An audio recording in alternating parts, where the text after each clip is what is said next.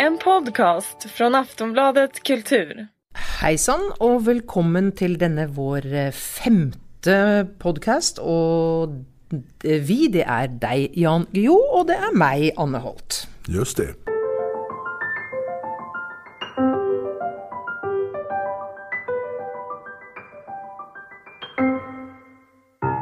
Den amerikanske senatoren Daniel Moynihan sa i sin tid, han er død nå, men han sa i sin tid at Everyone is entitled to his own opinion, but not to his own facts. Var och en har rätt till sin egen uppfattning men inte till sina egna fakta. Takk for glimrende oversettelse der, Jan. Ehm, I den siste tiden så har vi i Norge sett konturene av det som kan ligne en debatt om noe som har blitt kalt den, det postfaktuelle samfunn. Har dere en tilsvarende Ja. debatt i Sverige, og hva kaller dere den? Vi, vi talar med samma innebörd om faktaresistens som ett nytt problem. Alltså att fakta spelar inte längre någon roll i en viss eh, politisk debatt utan det blir åsikter snarare än fakta som gäller. Mm. Eh, jag har ju alltid ment eh, i alla mina möten med andra människor i debatt och diskussion, enten det har varit offentliga debatter eller privata debatter i festlig lag, att en förutsättning för att få till en debatt, och för att det ska vara mening meningsfylt å føre en debatt, det er at man på et vis er enige om de helt store rammene rundt diskusjonen.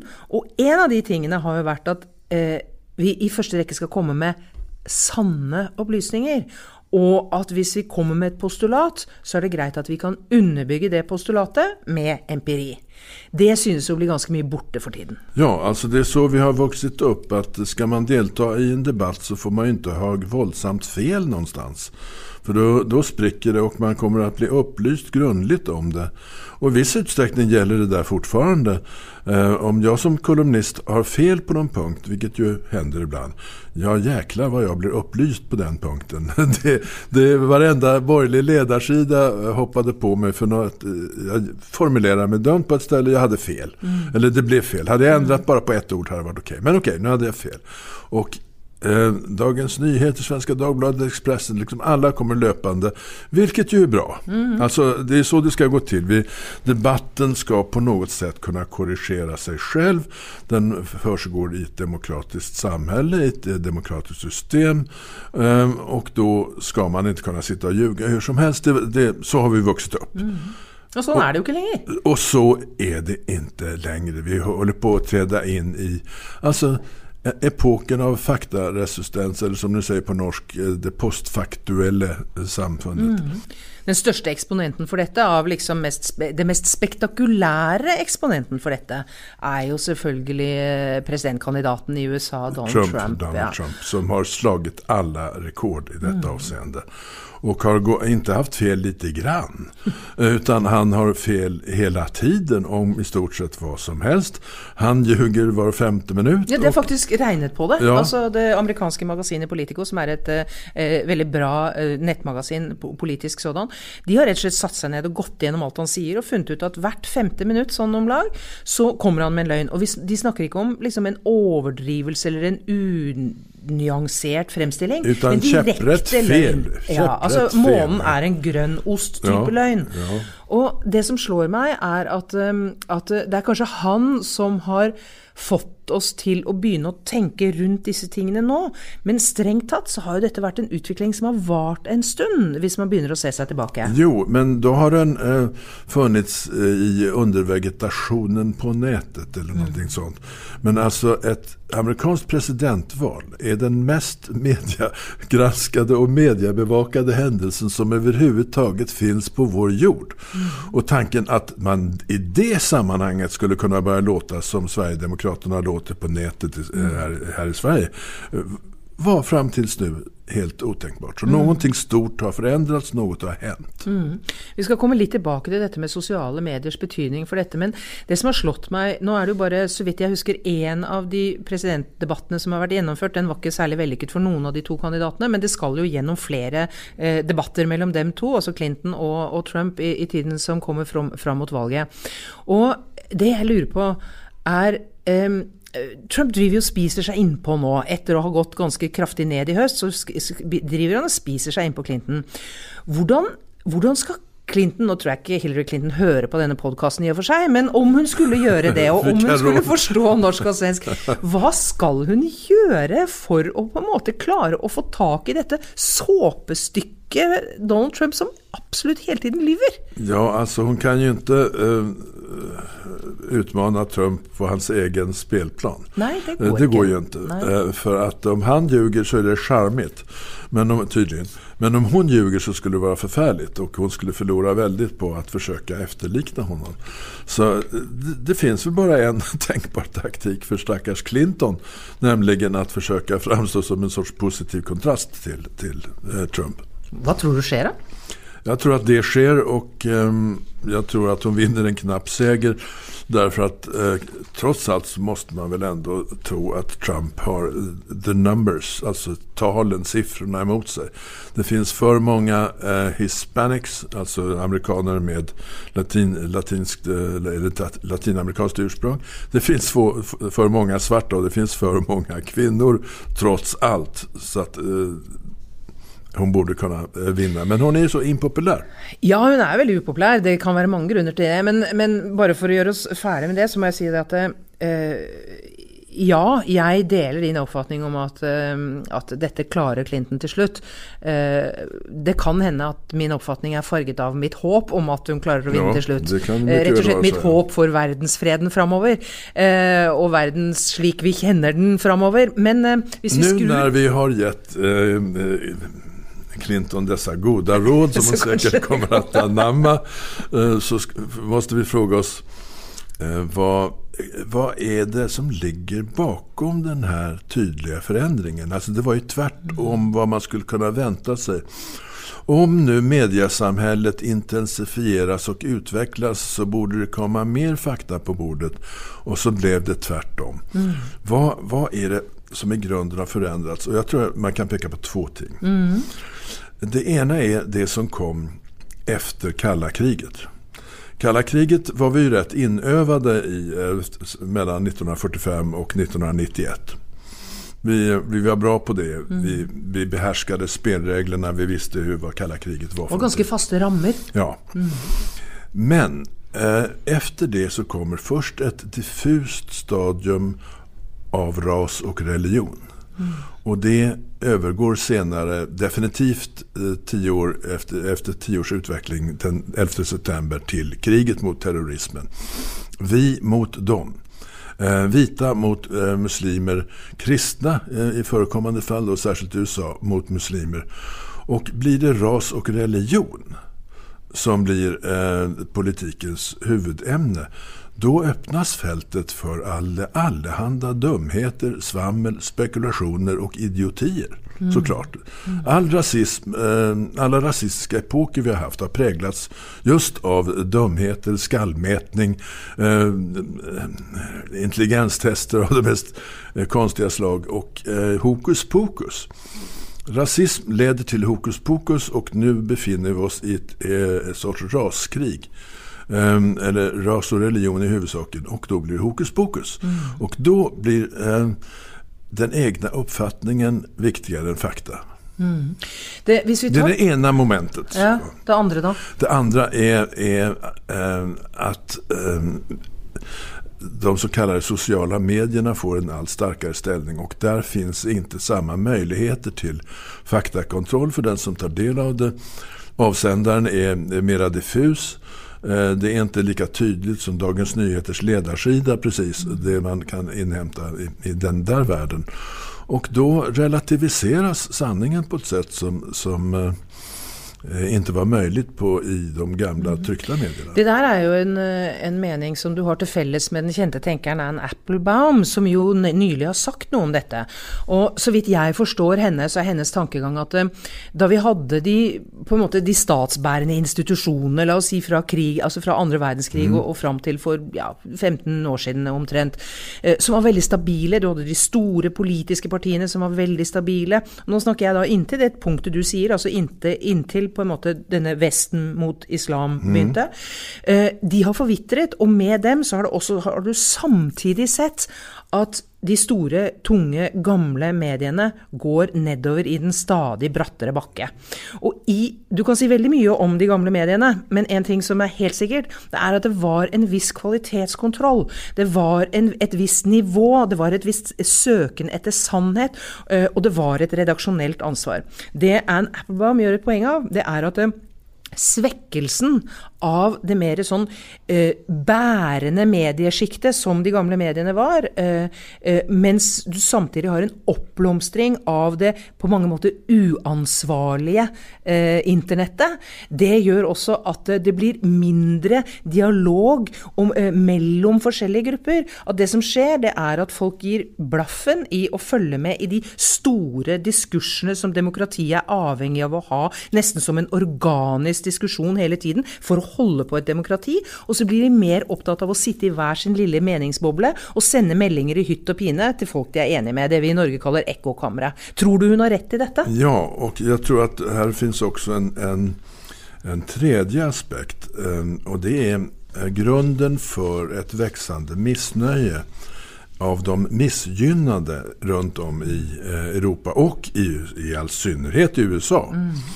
Alltså eh, de som eh, sympatiserar med Trump var med en inte helt lyckad formulering eh, av Clinton deplorable. Mm.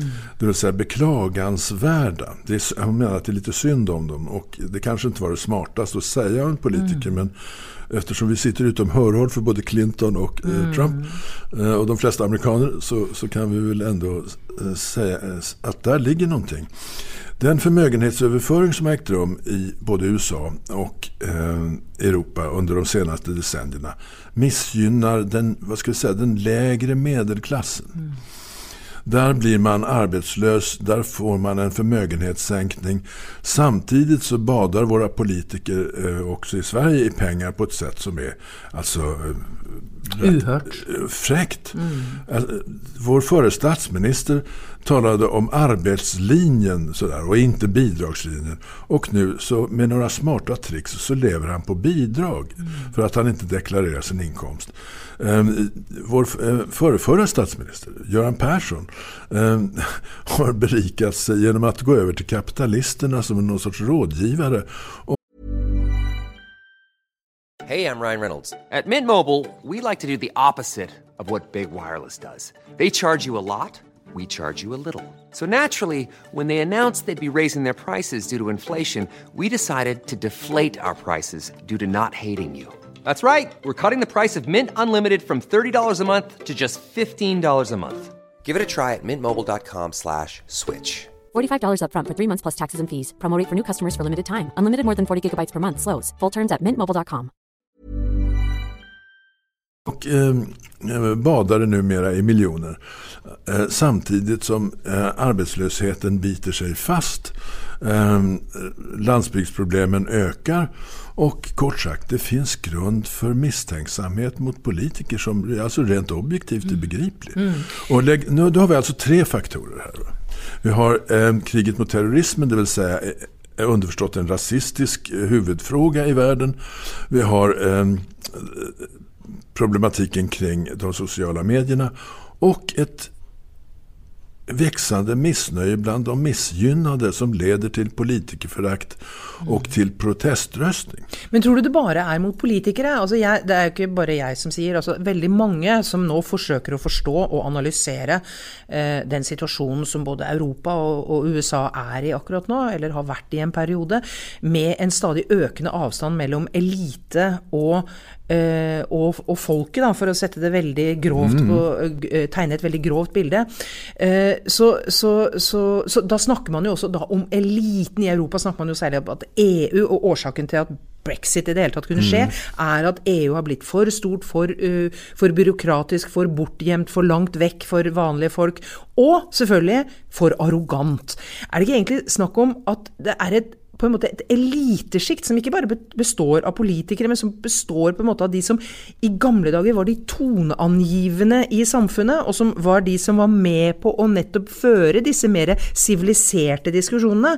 Eh, at det er en gruppe mennesker som, som nå har mistet de har mistet grepet om jeg vil ikke si massene, men om ganske mange ganske misfornøyde mennesker. Ja, de har, de har i stedet tatt et fastere grepp om penningpåsene. Ja, nettopp.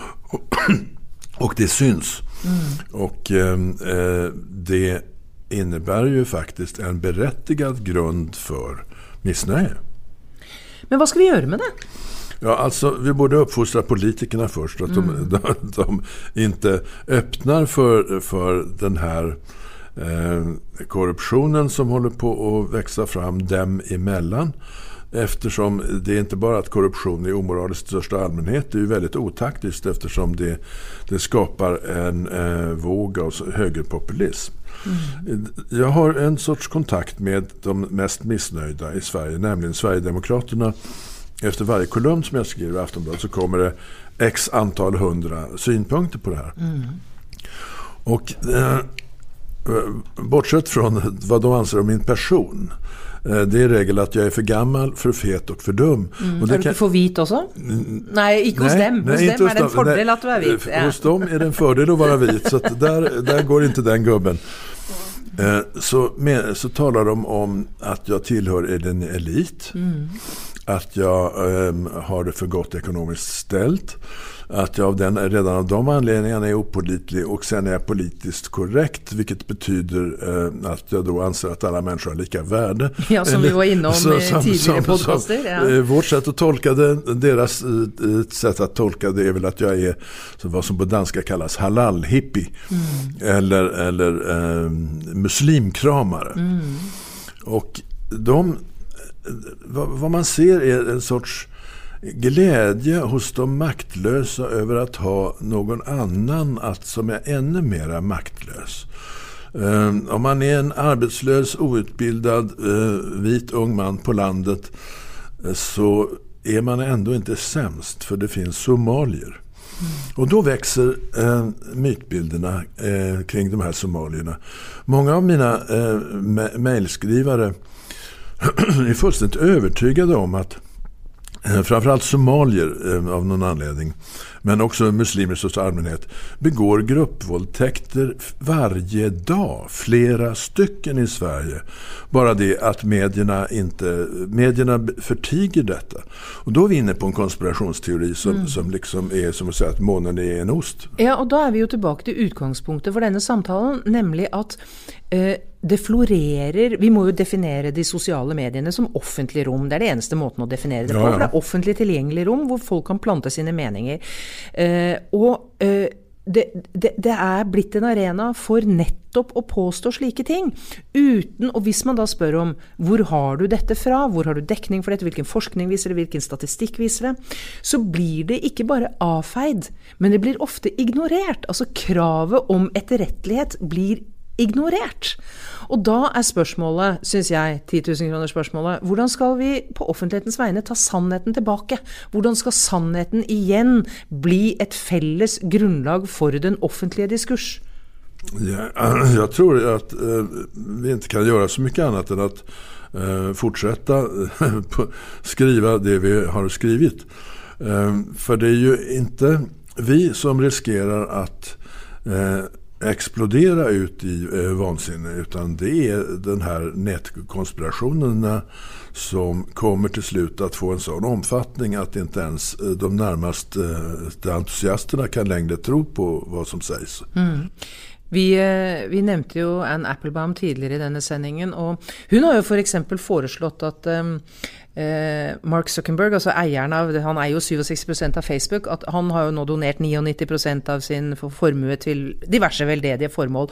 Og hun sier ta halvparten av dem, og så doner dem til å gjøre Facebook til en, en eh, ordentlig god redaksjonell avis istedenfor. Altså få inn eh, sannhetssøking, få inn journalistikk, få inn dette som nå er blitt den viktigste, faktisk. Facebook er Uansett om du og jeg liker det eller ikke, så er det nå blitt den viktigste meningsbæreren, altså bærer og formidler av meningsuttrykk i verden.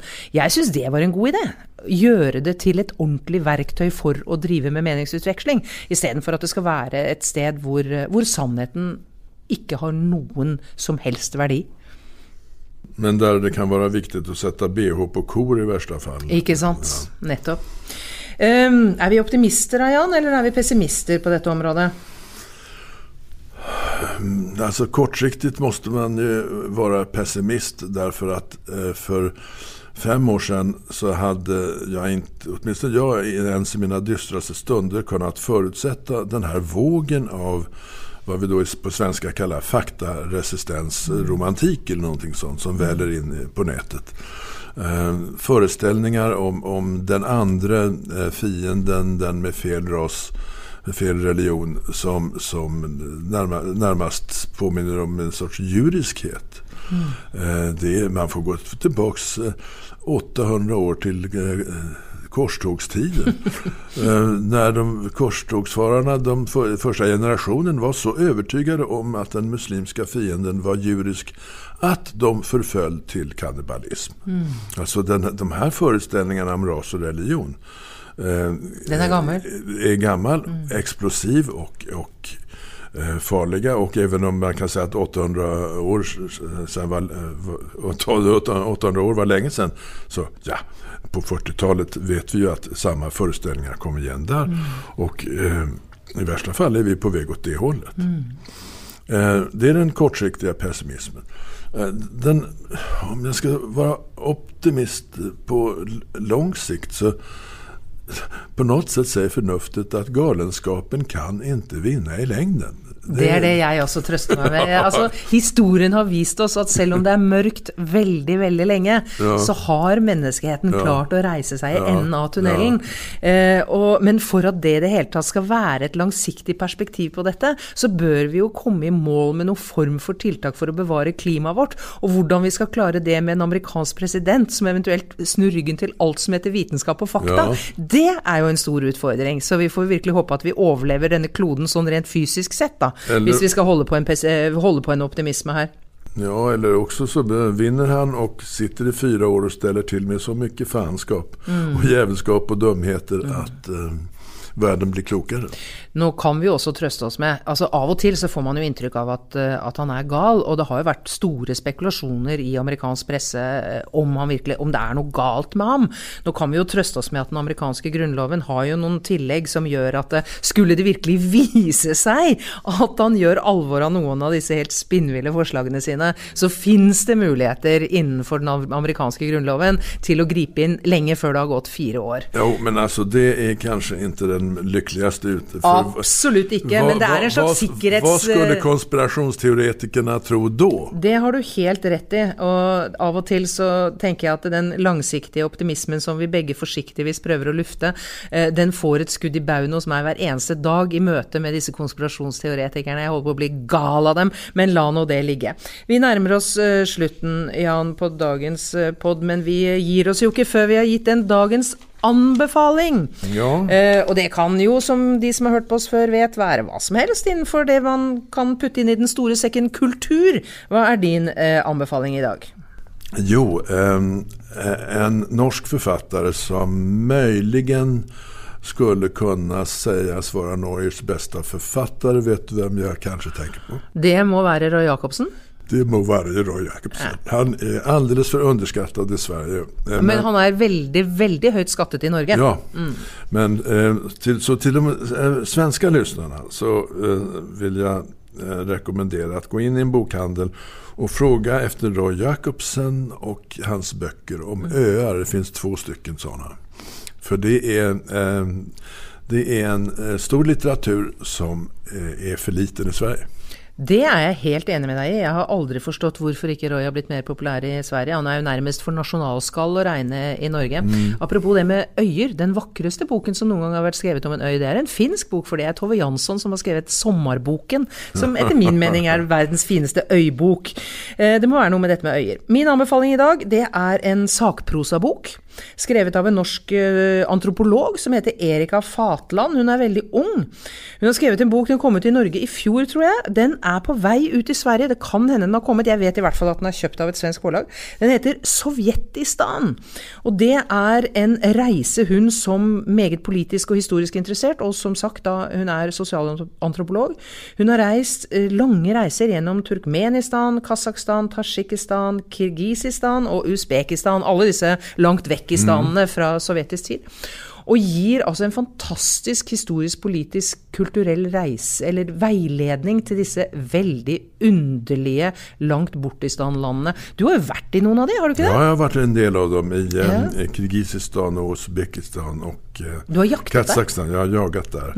Och eh, det är en eh, Alice i Underlandet-värld på många sätt. Eh, där man exempelvis eh, går tillbaks till mongolernas historia i Uzbekistan och gör porträtt på den nuvarande presidenten som ska se ut som Djingis khan. Ja, nettopp, nettopp, Och, nettopp. liksom, Og alt dette beskriver hun veldig godt i denne boken, så den kan absolutt anbefales. Sovjetistan, Erika Fatland. ja.